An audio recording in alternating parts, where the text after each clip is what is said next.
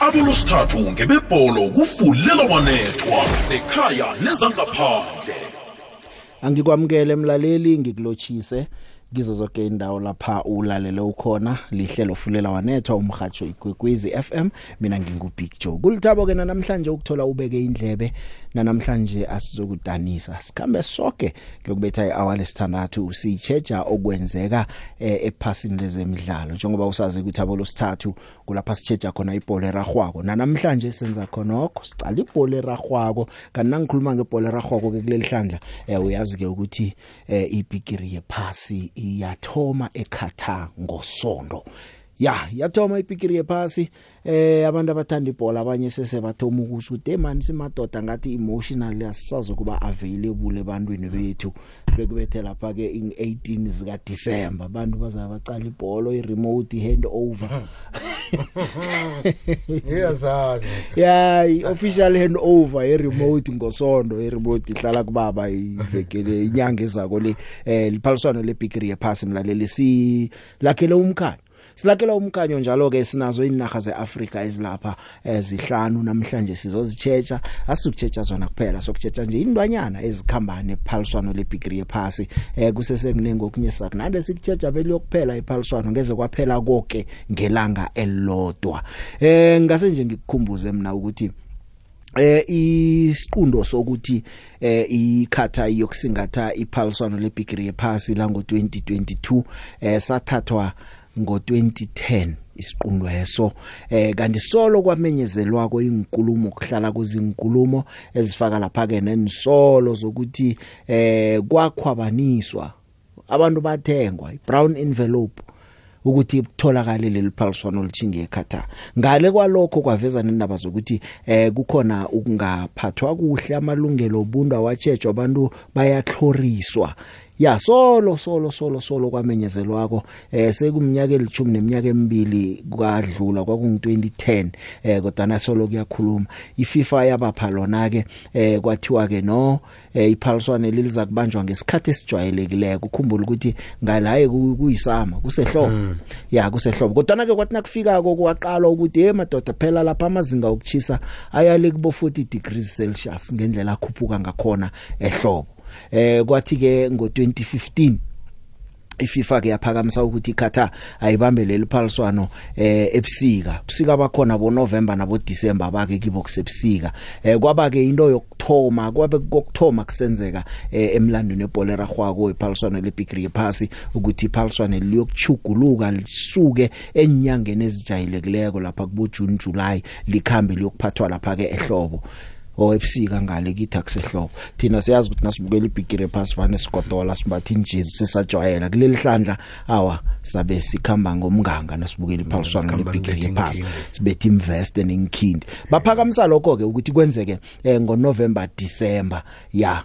Kanti ke naso leso siqundu leso ke azange sathi nasifika ke isiqundu leso eh kwathola ukuthi siba sihle samukeleka kiyo yonke eh, indawo. Inaga ze Europe ama league akhona alilakhulu athi nje niyokuphazamisa ama league ethu ngendlela esidlala ngakhona. Eh kodwa nekugcineni ke yaphumelela indaba yokuthi Paulson leBigiri ephasi lokubanjwa ngalesi sikhathi. Ngikhuluma nawe nje ama league ephasi na ajamile ajamile athulile ajametsi ngalesi sikhathi. Eh November bekube ngo December 28 ngo December ngomhla ka18 lithoma nge20 kokwakho eh zaka November iphaliswano bese ke lokuphela nge18 eh zaka December. Manje ke na uthi uyacala nje hlangana nezinye izinto eziba khona eh kuzizinto ezenza ukuthi kube nehlangahlangano khulu. Zindaba ze corruption lezo ke zavela vele nje nazithomako. Eh iDepartment of Justice yalapha eUS eh yathi yathi ama bribes abhadeliwe ukuthi abantu bathole ama vote bakwazi ukuthola amalungelo wokusingatha leli phaliswano kwaba zinkulumo kwaba zinsolo eh kwathiwa iexecutive yathi nayivotako vele kwa Russia ngo2018 zange yayithola fair and square. Kwaba zinkulumo ezazitsho njalo nje ukuthi iRussia neQatar asikawatholi ukuhla amalungelo lawo. Eh abachuchisi bathoma bafuna ukwenza imlando ukuthi vele indaba le icalwe icalwe. Kodwa ke abaqalise abaqalelele lapha ke kuletheni iphaliswano lebigiri yepass lapha eQatar eh, bathi inkulumezo azikho. Thina senze konke sathembisa iFIFA ukuthi konke ekhaya sihlele kuhle iphaliswano lingaphathwa kuhle. Ngikho sinikelwe iphaliswano lebigiri yepass. Ndaba zokuthi sifumbathisile akhenge bazithathe. Ngokunye nje eh, sesakha nje isithombe kuyokudlala iphaliswano lebigiri yepass ngikwakhela isithombe sokuthi eh, lapha kuyokudlalwa khona ekhata izinto zikhamba njani. Hlelo fulela wanethwa phatsho igwekwez FM ngingubig John. Ngijikela ngiyabuya. Mlaleli wekwekwezi fm inomboro yemoyeni ishukulukile kwanje sewukhona ukudosela amahlelo woke nendabeni ezinabileko ngenomboro eyodwa.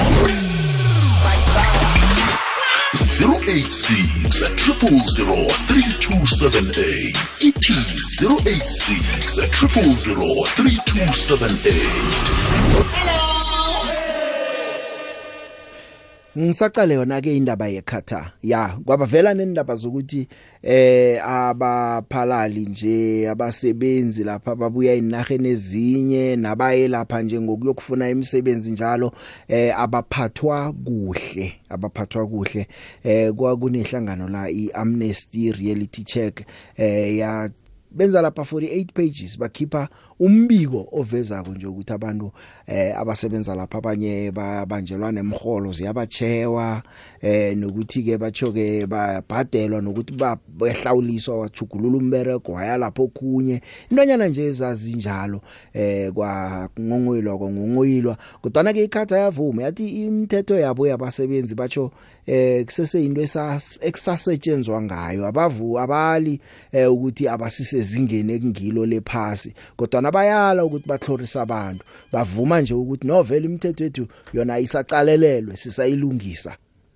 Sizakubona ke iphaliswano lebigiri yephasi liya lapha engikhumula inhlangano eziningi nje zalapha eEurope zazithi ngathana iFIFA ithatha amagadango ukuthi kulungiswe eh, amalungelo wabantu lapha eubuntu. Lapha eQatar kulapha bavela khona iFIFA. Yathi manthina siyihlanganela ulibholo nokho asimbuso ukuthi eh, siyokungenelela lapha sifune ukuchugulula eh, izinto. Mhlapha nje iFIFA ibhalele zonke inarhe eziyokudlala iphaliswano lebigiri yephasi lapha ukuthi umnye nomnyaka aqala ibhola eragwako nilise ipolitiki kuboso politiki niphume endweni eziningi iFIFA icho njalo. Hlangana nento ekhulunywa kakhulu ke indaba yabantu abathandana ngobulili obufanako. Awu lapho ke indawo leya ke indawo yama muslim eh nabanye babadlali sebathomile ke baveza ukuthwenyeka ukuthi ongabalandeli benaga zethu abeza la abazokubukela bazokhlaga isikhulukhulu kubalwa lapha eh, abantu abama lesbians amagay eh abo transgender nje wonke umphakathi we LGBTQ+ ukuthi ngasuthi awuzokuphatheka kuhle lapha. Asazi ukuthi kuyokukhamba kanjani iphasi lonke eh, licale lapha ke eh iKatar kuthe nje nakusele imveke emibili ngaphambi kokuthi kuthome umphaliswano eh kwavela lapha ke isikhulu man sakhona lapha eKatar uKhalid Salman eh omzenda wayo iQatar World Cup le eh wa khuluma lapha nabahatshe enye nje ihlangano ezohatsha lapha eGermany eh iZDF ayitshela ukuthi indaba yokuthandana ngobulilo obufanako. Batsho abantu abakusho ukuthi balimele emkhumbulweni ngokuya ngayi abantu abenza njalo. Mayizi inkulumo ezenzeke nje nje nje iphaliswano lebigiri yephasi eh selizokthoma eh balindelwe kabantu abaningi. Batsho iyani noke kodwana into ekhona hlonipha umthetho wakhona. Batsho njalo bathi nanifika lana isihloniphe thina. Enye indaba ngiyotshwala phalisana lepikiri yephasi lebhola ragwako eh lihlotshaniswa khulu notshwala abantu bazihamlela ke nganga ene lisponsora nabutshwala company otshwala iyasponsor lapho. Eh, ngephaliswana ebigiri yephasi siyakhumbula la eSouth Africa abantu babehamla kangangani. Lapha ka yikho indaba okusela leyo. Eh batsho ke bazenzile indawo. Na umlandelo webhola uphethe iticket 3 hours before umdlalo vumelekile ukuthi uyokusela endaweni ekubekelwe ukuthi sela kiyo. Nakuphela umdlalo 1 hour after umdlalo uzakusela kwachaya hour lo ukhambe. Nakudlalwako umdlalo uphakathi akunamuntu oselutshwala kusekhatha lapho. Rawubona kumnyama khulu kuzokuvela umkhanyo. Ikwekwezi. WhatsApp 079 413 2172 ezebiki ngifunde ku-internet lapha i-code of conduct yekhata. Kuthiwa nawuze lapha umlandeli uzokubukela nawuze newakwakho uvumelekile ukuthi ungalala naye ndawonye. Tuta hamba nawe, hamba nawe namsajili. Maranauze wedwa awuthomi nokudoma basho utholakala udlele nomuntu wengubo.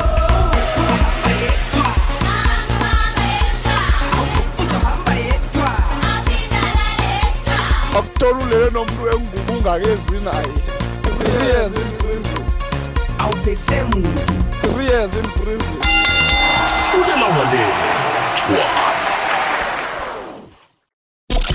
phila njengomuntu osemkhanyweni ngombana mkhanyo oletha ukuphila.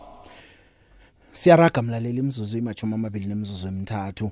Eh angiphume ke kwezale ekhatha ngize nganeno ekhaya ngichinge lapha kumsizi kaSofengwana uzakhele swela. Eh uyakhamba uzakhele swela. Kunamuntu okhona ebholweni eragwako ongakhanukiko ukuzithola adlala indima eh ku World Cup.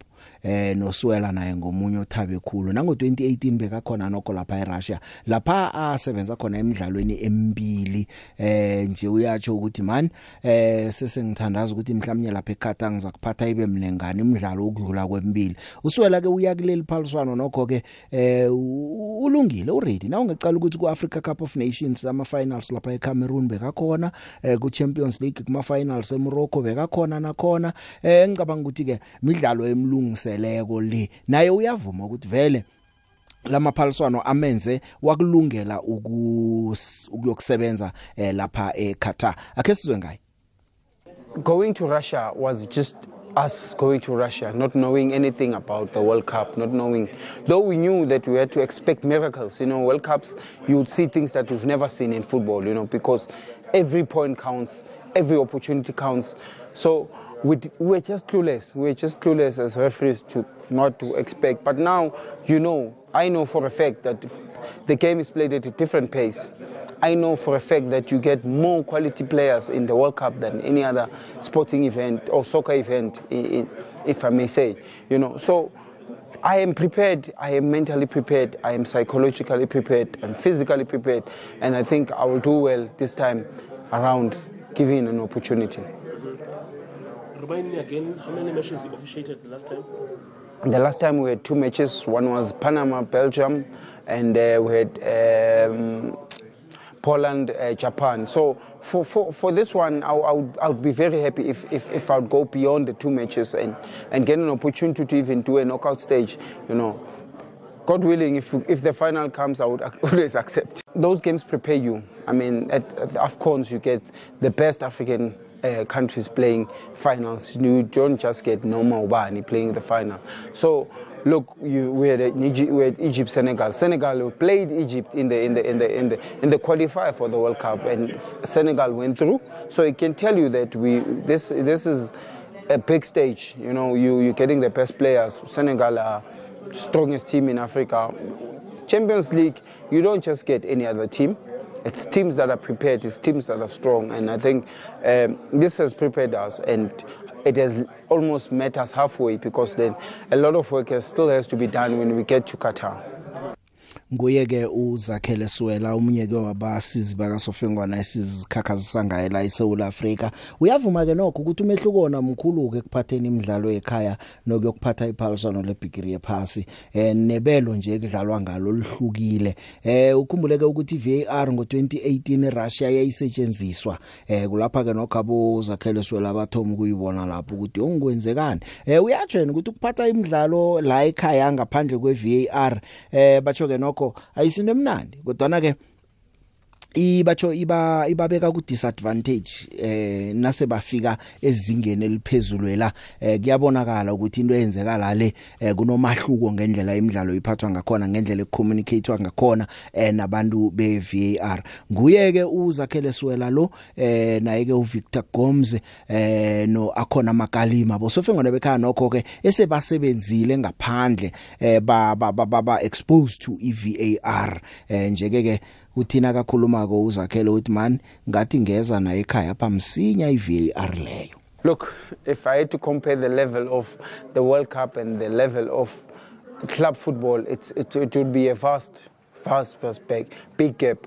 You know, uh, so it's it's literally you have to be mentally, psychologically fit and be prepared. You know, because I think the speed at, of which the World Cup is played for me was a shocker in the previous World Cup. I was like shocked, shocked because the games are so fast that you don't you don't you don't get to see this type of speed in our normal game situations. Look, uh, VAR was firstly introduced in 2018, which which uh, now uh, is is almost a common phenomenon in in all entire world because most of the countries use it now. Even that Afri- some of our African countries, I hope and pray that will follow suit. Um, look, um, I have the experience of, of officiating with with VAR, and I think it's just any, I just need a few brush-ups, and that's the reason why we would travel 10 days before uh, the, the the kickoff, so that we can be able to go and polish up uh, working with VAR. Not having VAR in your, your own space where you are uh, officiating on a weekly basis, do you feel that sometimes it does disadvantage you a bit? It does disadvantage us, uh, uh, uh, truth, truth spoken. Uh, I mean, look, uh, VAR makes it easier for, for football to play, but it also makes it difficult for the referees to adapt. So if we don't get to do it on a regular basis, you are missing out on a lot of things. I mean, you, you don't understand when to when when to talk to a VAR, how to communicate with the VAR. So those are very small basics that VAR comes with, and the, just the mere communication with VAR makes the, the VAR or the, the, the AVR in the VO room know and understand that, oh, okay, he saw this, okay, let's look at this. So that if, if, you, if what you saw and what they see is different, they can be able to say, here's a second chance, come and look at what you saw. This is not what you exactly saw. Okuhle kodwa ke kibo ama South Africa achinga lapha ePaulsoneni lebigiri yephasi eh, nguzakhele Siwela no Victor Gomes bayaya lapha eh, kanti no Dohotera uthulani ngwanya naye uzaba khona lapha esima South Africa sijanyelwe. Eh kodwa ke angikutshele ke ngifuna ukutsheja la inaga zeAfrica ezizabe zikhona lapha. Angazi ngikukhumbuze nje ukuthi eh, ingchema zeAfrica mhlawumnye zizakwenza umlando kuleli phaliswano asazi eh, ngoba ke eh lapha eRussia emzombeni esibili nokho zafika ingchema eh asazi ke ukuthi kokwakho kokwakho eRussia zange eRussia nasinye isichema zaphuma zonke emzombeni wokthoma eRussia ingchema zesewula zeAfrica kileli hlandla sithembe ukuthi eziza kudlula ke eziyele mhlawumnye ke zidlule na kuma quarter finals ngoba kunasicheme sakhe sadlula lapho. Angikambi ngiye lapha ewumen lendaba nangibuyako. Ke sizicheche ingchemezi njengoba ngikuthembisile ngizabe ngikhama noTiani wakwamabaso. Ukuba semkhanyweni ukuba nelwazi ikwekwezi FM kukhanya ba ezemidlalo kufunela wanethwa. Ya ya. Saddam Yeche Ain't no ball like bees. basafaka nemaski bukaya stadium. Because uh, uh, football I'm national football supporters EU ngi-president Mama Joy secretary. On Saturday Mama Joy secretary. On Saturday Mama Joy secretary. On Saturday Mama Joy secretary. Ngiphi- ngiphithuka, ngiphi- ngipithuka. ngipithuka ngiphi ngipithuka ngiyarepa mina. Ngiyarepa mina. Ngiyarepa mina. Wo. Saddam ngiyakuzwa uthi ngiyarepa mina. Ngiyarepa mina. Funela wanethwa ngolosithathu sithatha ibholo nobig joe lela wanethwa kukwekwezi FM vela emkhanyweni ikwekwezi FM ikhona. Asirageke mlaleli njengoba ngikutshela nje ukuthi sizokuchecha inaga zeAfrika. Engakutshela khona okhunye ukuthi ke nokho eh ncancebeze ekhulu eh yama WhatsApp voice notes namhlanje asi sinomraro ngapha wekho eh umuntu ofuna nje ukuveza kuzwakala ehlelweni ukuveza umbono namhlanje kuzakufuneka nje ukuthi usudose vele. Ngikhuluma ngenaga zeAfrika nje ngicale ukuthi nokho noma ke iAfrika ingakabulithumba ephaliswano lebigiri yephasi ingakabe ukufika kuma semifinals eAfrika eh kunenaga zekhaya nokho ezake zenza ikariso mraro zarara abantu. Eh ngase ngibuyele emva nje ngiye ku 1978 iTunisia yabetha iMexico ngo 3-1 kungakacheje umuntu ukuthi kungenzeka lokho eh bekungiyo yodwa iTunisia ejamele iAfrika ephaliswaneni lebigiri yephasi. Babetha iMexico okungakalindela umuntu ukuthi bangakwenza lokho. Kwaba into emnandi ke leyo kwaba into emnandi ke leyo ukuthi eh yakwenza lokho ke iTunisia. Eh nawubuyele emva kokuthi yokucala ngo1982 eh iAlgeria ngibane bekacabanga ukuthi iAlgeria ingayibetha iWest Germany ngalowo nyaka loyo? iWest Germany bekungenye yenaga ezicala ukuthi ezima zima favorite namtjana ke eh zizindandokazi ukuthi zingalithumba iphaliswane kodwa ke yababetha lapha ke eh, inaga la ye Algeria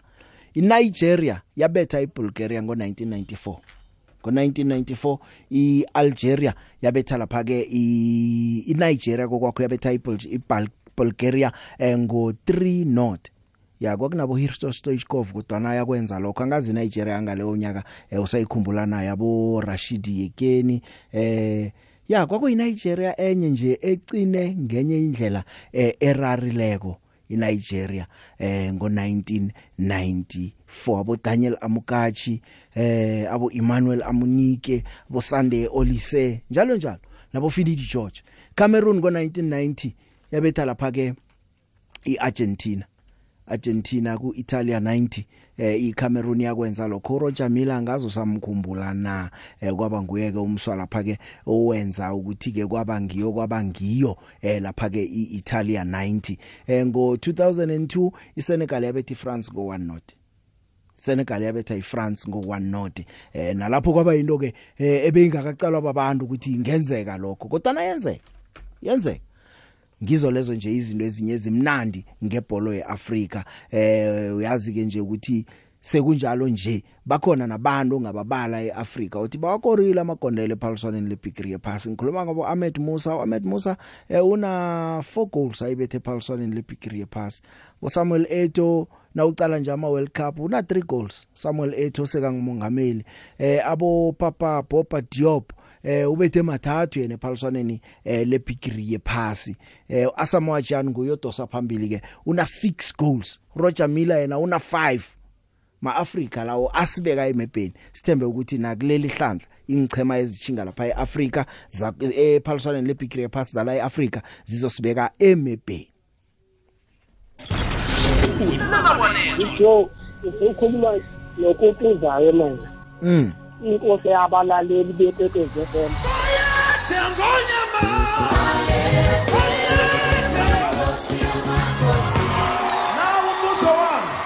ubekwe ngibani ukuba inkosi goduza eh hayi bebonke ngibakhethe Joe fulela wanethwa kukwekwezi FM kukhanya ba.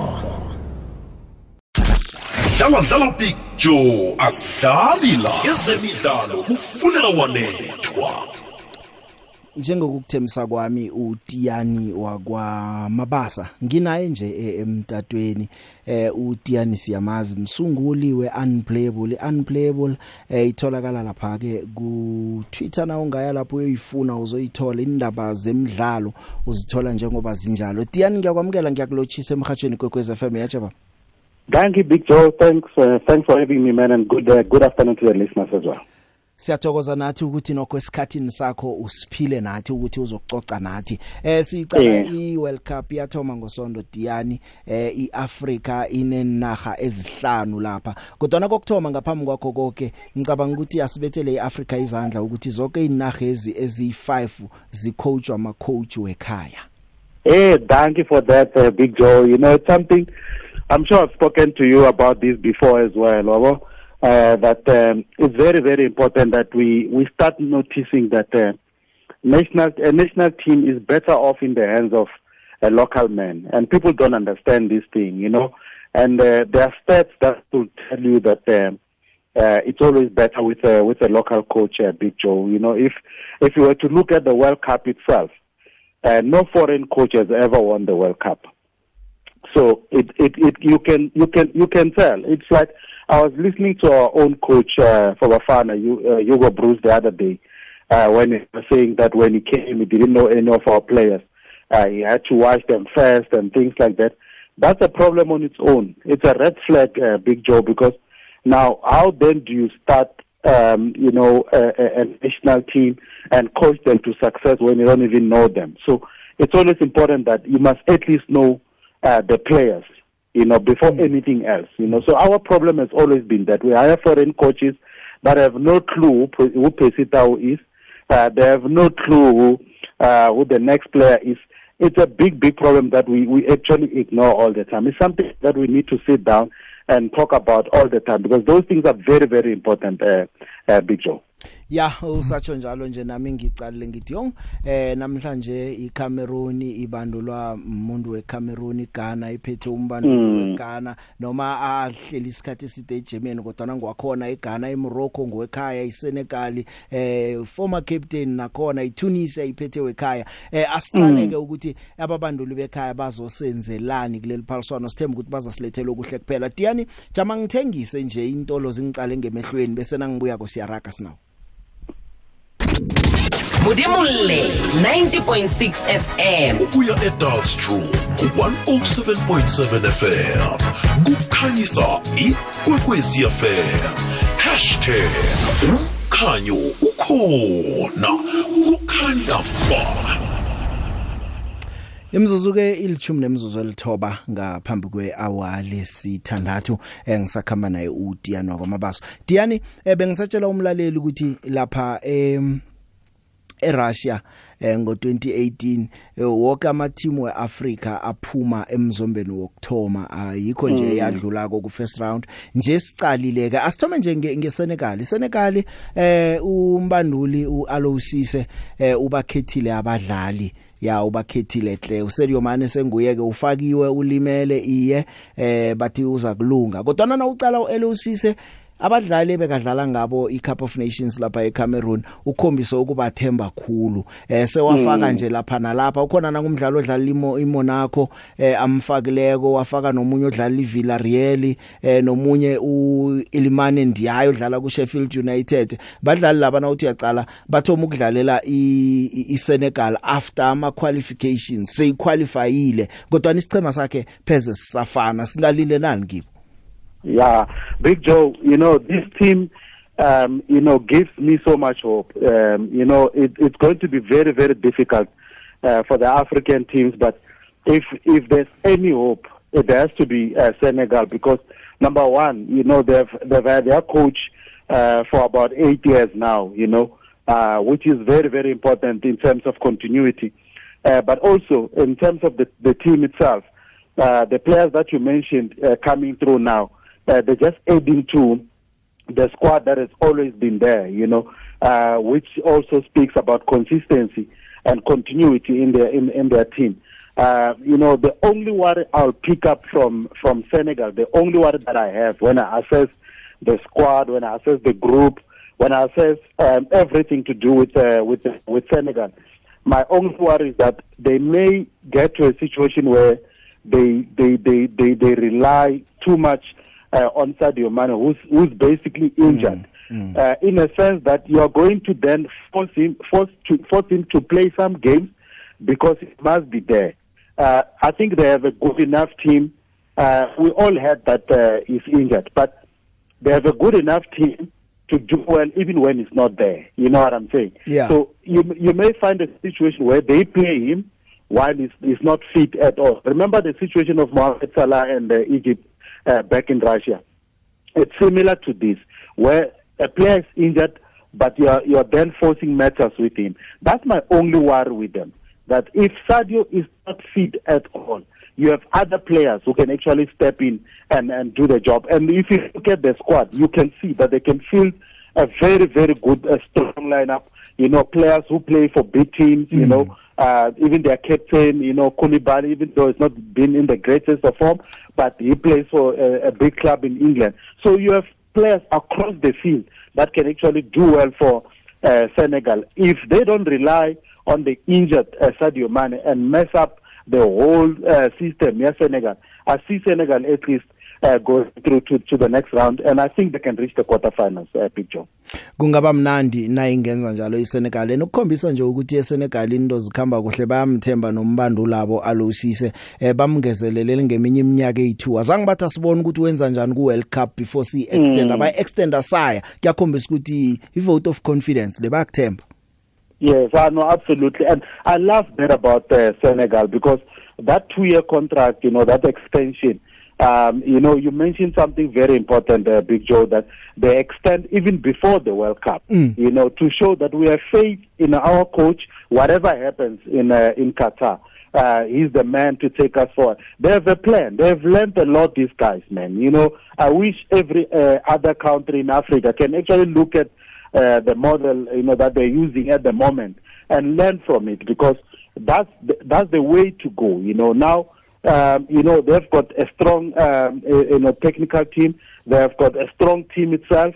You know, which means now they have to keep monitoring their team and in terms of what to strengthen and so on. That's why you mentioned the other players as well coming through as well because they know that now it's time to fix here and fix there and make sure that our team is actually stable. You know, I think if if there's a team that you can look at the Senegal and and and and and and, and I think if you were to look at the rankings, for example, they're number one in Africa. Mm. You know, uh, and that speaks to the kind of team that they have throughout, in not just the players but also the technical team as well. Asiqale eCameroon. iCameroon ngiyacala lapha eh ngibona kunomdlali kade adlala uMichael eh, Ngandu eh Ngandu. Eh akekho esicemeni bamkhiphile urikhiphe song angazi usebenze njani. Eh ngicala la ufake nama home based players amanye ayi2. Well akurari khona. Kodwana ke nawucala ukuthi ngathi uwenze ichuguluko belingakalindelwa umuntu eh uphethe abadlali lapha ke eh abana bo 32 abo 33 eh uAbubakar ngocaptain lisiye una 30 naye. Eh kodwana ke yiCameroon phethwe babantu abayaziko ibhola eh uSamuel Eto njengomongameli wehlanganela ulibhola lapha umuntu oyaziko ibhola eh siyamazi ke naye umbandulu Rikibe Song ukuthi uyayazi ibhola singaqalani kibo Yeah, no, Bona, you know, uh, for me, um, they, they, they also have a strong team, but some players there have not really performed, um, you know, the way I expected them in the past, uh, you know, few years, you know. Uh, there were players who were supposed to be big names in that uh, in that team, like Bob Basogok. Um, you know, remember when he was player of the tournament in the mm, AFCON? Mm. Uh, we expected a lot from him. But the, the thing is, if you look at their team, they keep moving around uh, clubs that are not of great stature, you know. Uh, even though Vincent uh, Abu Bakar now playing mm. in Asia, mm. um, you know, it, it means that he's not really competing competing at the highest level. That's my worry for you know for Cameroon. As much as they have a player there and there like Uzambo at uh, at uh, at Napoli, uh, very strong player, very strong midfielder. He can do very very well for them. But then you still have Moting uh, from Bayern. You know, uh, they have uh, individual players that can rise to the occasion. But in terms of the, the makeup of their team, I don't think they have that across across the field. That's my worry. They're not like your Senegal mm. that can claim an, a, a great individual player in each position. For me, Cameroon will rely uh, a lot on individual players, and in a team makeup, you know that's not a good thing. So that's my worry for them. You know, as much as they have they have people uh, who know football, who've been there, and so on and so on but they need to, um, you know, go back to the Cameroon that will have the top players at the, at the best clubs. Like even the even the the president now. I mean, Samuel Eto'o. I mean, he used to be at Barcelona. You know. Yeah. Um, you know, so they they don't really enjoy uh, that kind of thing anymore.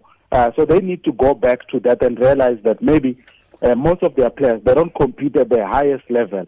Um, you know, as compared to uh, the past when they had uh, Samuel Eto'o at Barcelona. Siza kubona ukuthi iCameroon isebenza kanjani ngicale la ine Switzerland ine Serbia ine Brazil ku group G eh asazi ukuthi iza kudlula namtjana kanjani na kodwa nakubonakala kuza kuba budisi khulu ngakiyo iCameroon Yeah, no, hopefully, hopefully, Big Joe. You know, I pray that uh, they, they they they can try. That's all you can do uh, in these situations. Give the best you can, um, you know, and make sure that you you, you represent your country as as as, as best as you can. I mean, mm-hmm. I mean, there's always been a lot of expectations, especially for countries like Cameroon uh, that qualify uh, for the World Cup all the time. You know, there's, yeah. there's a lot that we, we, we expect from them. You know, uh, in terms of representing uh, uh, Africa. But if we are realistic about them, uh, I don't think they they are strong as as they were before. And if you were to go to their uh, to their group as well, it's going to be very, very difficult because there you have Brazil, then you have Serbia. Um, you know, a very, very difficult group for them, to be honest. ibudisi khulu ngiyokuthengisa nangibuyako ngifuna sicalela iGhana hey iGhana mina ngibona eh i-experience isquad sabo asikho experience na uthi uyacala? Sinabadlali nje abasisebatsha abanganalo ilemuko. Eh mhlawumnye nabo baya lapha bazi benzela nje ukuthi eh mhlawumnye bakhe ukuya phambili kodwa na isicema sabo abasiphetheko ilemuko alikhona kancane. Ngiyakhamba ngiyalapha ekuthengiseni nangibuya kwentolo ke usitshele ngegana ukuthi yona uyibona ngathi izasenzelani lapha. Abolosithathu ngebebholo kufulela wanethwa sekhaya nezangaphandle. iSABC Sport ibahatsha abasemthethweni beFIFA World Cup Qatar 2022 amalanga amachuma amabili nethoba ama-channel amane kamabona kude nentetshi ezilithumi nethoba zemihatsho sisonke sibumbene ngomdlalo omkhulukazi lo. Siyaraga sisonke ngosonto kunjalo liyathoma iphaliswano lebigiri yephasi eh, ngikhamba lano Tiani wakwamabasa eh, sicheche inaga zeAfrika izabe zikhona la ephaliswaneni lebigiri yephasi eh, Tiani siphezulu kweGhana Mm. Ah, you know, you know, you know, you know, Big Joe. Um, I, I also have a problem with this team, to be honest. You know, um, you know, from a personal point of view, I, I look at the squad and the players they bring in. Um, you know, to them it may seem like, uh, you know, good players, but uh, for me, you know, it, it's players that they were not supposed to touch. You know, for example, uh, Inaki Williams, you know, up front mm. uh, plays in Spain. He wanted to play for Spain, but because he can't make it in Spain, then um, you know he, he he he has no choice but to come in. Now you've you've had a group of players that help the country qualify, uh, only for someone to sneak in at the end. You know, uh, to come in because they can't make it wherever they come from. As much as you know they may have Ghanaian parents, but um, their preference all along was to play for another country. You know. Uh, and that's what I see with other players as well, like Botat, uh, players like that. Uh, for me, those are players they're not supposed to touch. Ghana have enough players, uh, they have enough talent across to to develop their their own players. You know, players who who who wear you know the jersey and die for the for for for uh, for for the Black Stars. But now you bring players who um, you know, they, they, they, they, they, they're only focusing on the World Cup because that's the big stage. Mm. After the World Cup, you'll hear a lot of stories about uh, people not not coming because they are injured, but the next week they'll play for their club. You know what I'm saying, yeah. uh, Big Joe? That's what I hate about the Ghana squad, you know. And uh, when you look at the group, obviously, it's a difficult group with uh, with the likes of Portugal and Uruguay.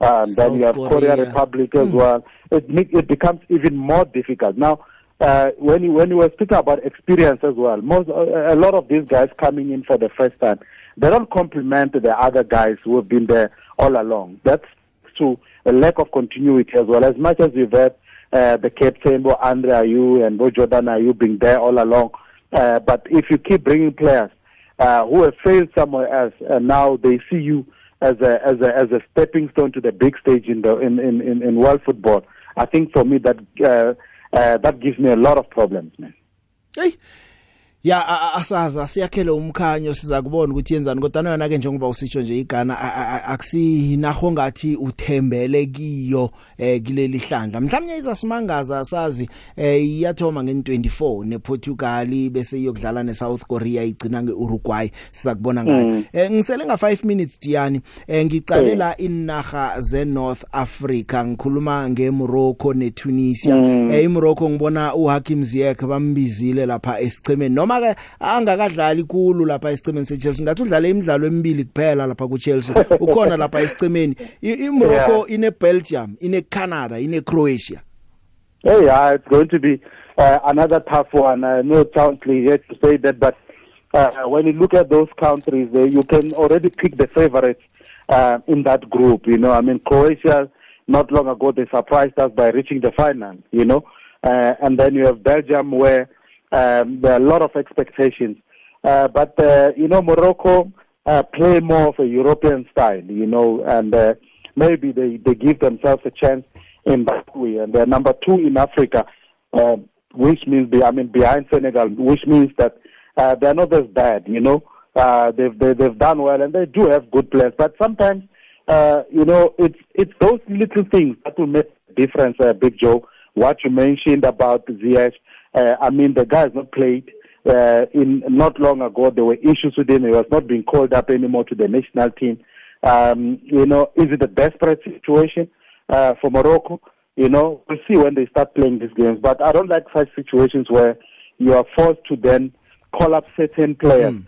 because they are you know, um, you know, you, you believe that they can do the job for you, but when you look at their track record, uh, you realize that uh, uh, it doesn't it doesn't make for good reading, especially Yes. because Yeah. that player has not played at all. You know, uh, like the two games, it's just not good enough. ayisuye yedwa ke kunomdlali nango West Ham odlala emva u- uNaif Agwet naye ke Yeah. 3 months yonke nakuthoma isizini azangadlala umdlalo lonke You ankle see. injury nasi striker sesevila naso ngu Yusuf N Naisri naye isizini la kumkhambeli kuhle kodwa na ukhona esichemeni sizakubona ke nabo ukuthi bayavuthisa na kubonakala ngathi kuzakuba budisi ngakibo Yeah, no, they'll be busy as well, you know, and um, you know, but uh, in that Group D as well, you know, you, uh, with Tunisia, then you'll have you'll have France and you'll have Denmark causing all sorts of problems uh, for them. You know, let's wait and see if they can if they can do the job. But I think they they, they, they need to learn to create a big pool of players where uh, if you're not performing, uh, it's it's it's it's actually very difficult to get into the squad. You must. Uh, I'm sure you know uh, you've seen the the, the the the videos of Brazilian players when they're selected, how they react to it, because there are no guarantees in, with with Brazil. You know, uh, they have a big pool. They keep producing the players, and uh, to get into that see with the celebration that uh, it, it's it's it's very very difficult with with our with our countries here in Africa uh, to get into the squad uh, is not as difficult. You know that's why you don't see that passion as well that comes through like the Brazilians. Tunisia i- ingimangazile mina ngazi ke ukuthi Tunisia singathi continuity noma singathini na ucala abadlali ababakhethileko 10 of them bebakhona eRussia ngo 2018 Yeah, ku yes. World Cup Yeah, no, which is which is which is a good thing in continu- in continuity, uh, but you also need to be monitoring them uh, to say uh, do they maintain that co- uh, consistency at club level as well, uh, or you just want them to be uh, at the World Cup because they were in the last one. Now you think they have enough experience. The thing is, they, they must continue to play. You know, uh, yesterday we had this discussion about Germany. You know, uh, the 2010 World Cup squad that came here. Um, you look at the players that won. Uh, I mean, here at home when we hosted them, they lost in the semis. But if you look at the final uh, in 2014, they won it. You know, and uh, uh, uh, seven of those players that were in the semi-finals in uh, were actually in the final uh, uh, uh, starting 11 in Brazil. Uh, but if you were to go back, you, lo- you you look at all that are in the lineup. They were regulars wherever they come from. So they also know that for them to, to, to retain their place in the national team, they must be playing all the time at club level. Otherwise, they're not going to keep that place. Diyani isikhathi ngiso sinomona sinawe kunenge besingabe sisakhuluma ukuya phambili kodwa na ke eh ngifuna nje ukuthi ukuthi njengoba ithoma nje iWorld Cup Sundays sesenenyanga yonke sisakunande sikhuluma sinawe sinikela umlaleli ilwazi alithokako eh ayithome imidlalo ngosonto sibone ukuthi kiwapi namhlanje bengifuna nje sicale inaga zeAfrika kusese kunenge sizokukhuluma ngeWorld Cup sinawe Uh, thank you, Big Joe. Thanks for having me, man. thokoza mina Diyani Akha ke mlaleli eh bekunguye ke uTiani wakwamabasa sicale nje inaga zeAfrika eh isukele futhi vele ipikiri yephasi waya waya. Namhlanje ukuzwile okuningi okuzwile kwehlelweni kusasa uzolithola ithuba mlaleli ngiyakuthembisa. Lokuthi uphefumule na uzwakalise wakho amazizo ngenaga zeAfrika eh eziya lapha ephaliswaneni lepikiri yephasi ziyosijamela. Thina sesingekho nje. Sibuyeje kunjani Joe? Ngikona mina unjani wena? Sivukile. Ngisaba ukubuza ukuthi iyokuthathwa ngubani World Cup? Hey uzongijikela vele unge ungayi ke lapho lapho Okay. ungayi. Angisho umlaleli uthi boy wabu wakutshela ukuthi ake sithuma umsiyoni lo. umsiyoni akakayiboyisa ipendulo no seza umsiyoni nikamhaba Wasikamrhaba seza ni. namhaba uzabanitshele noma yini enifuna uyizwa. Phela into lemdifike ilibhudango ayiprofite bese uyayikhuluma yabona? Okay. Asim- asi- asimbekezeleleni awa kodwana ke siyathokoza namhlanje ukusibeka emkhanyweni notiyani nokho lapha nalapha siyadobha. Konje ngosondo ikhatha idlala nani? Eh umdlalo wokthoma ikhatha idlala nani wena? Hey ungibeka on the spot yongaba Hayi ke. ya Akuna- sizayiqala sizayiqala. sasa sizabe siphezukwayo ngolosihlanu siphezukwayo eh uhlala ulalele wena ngithokozini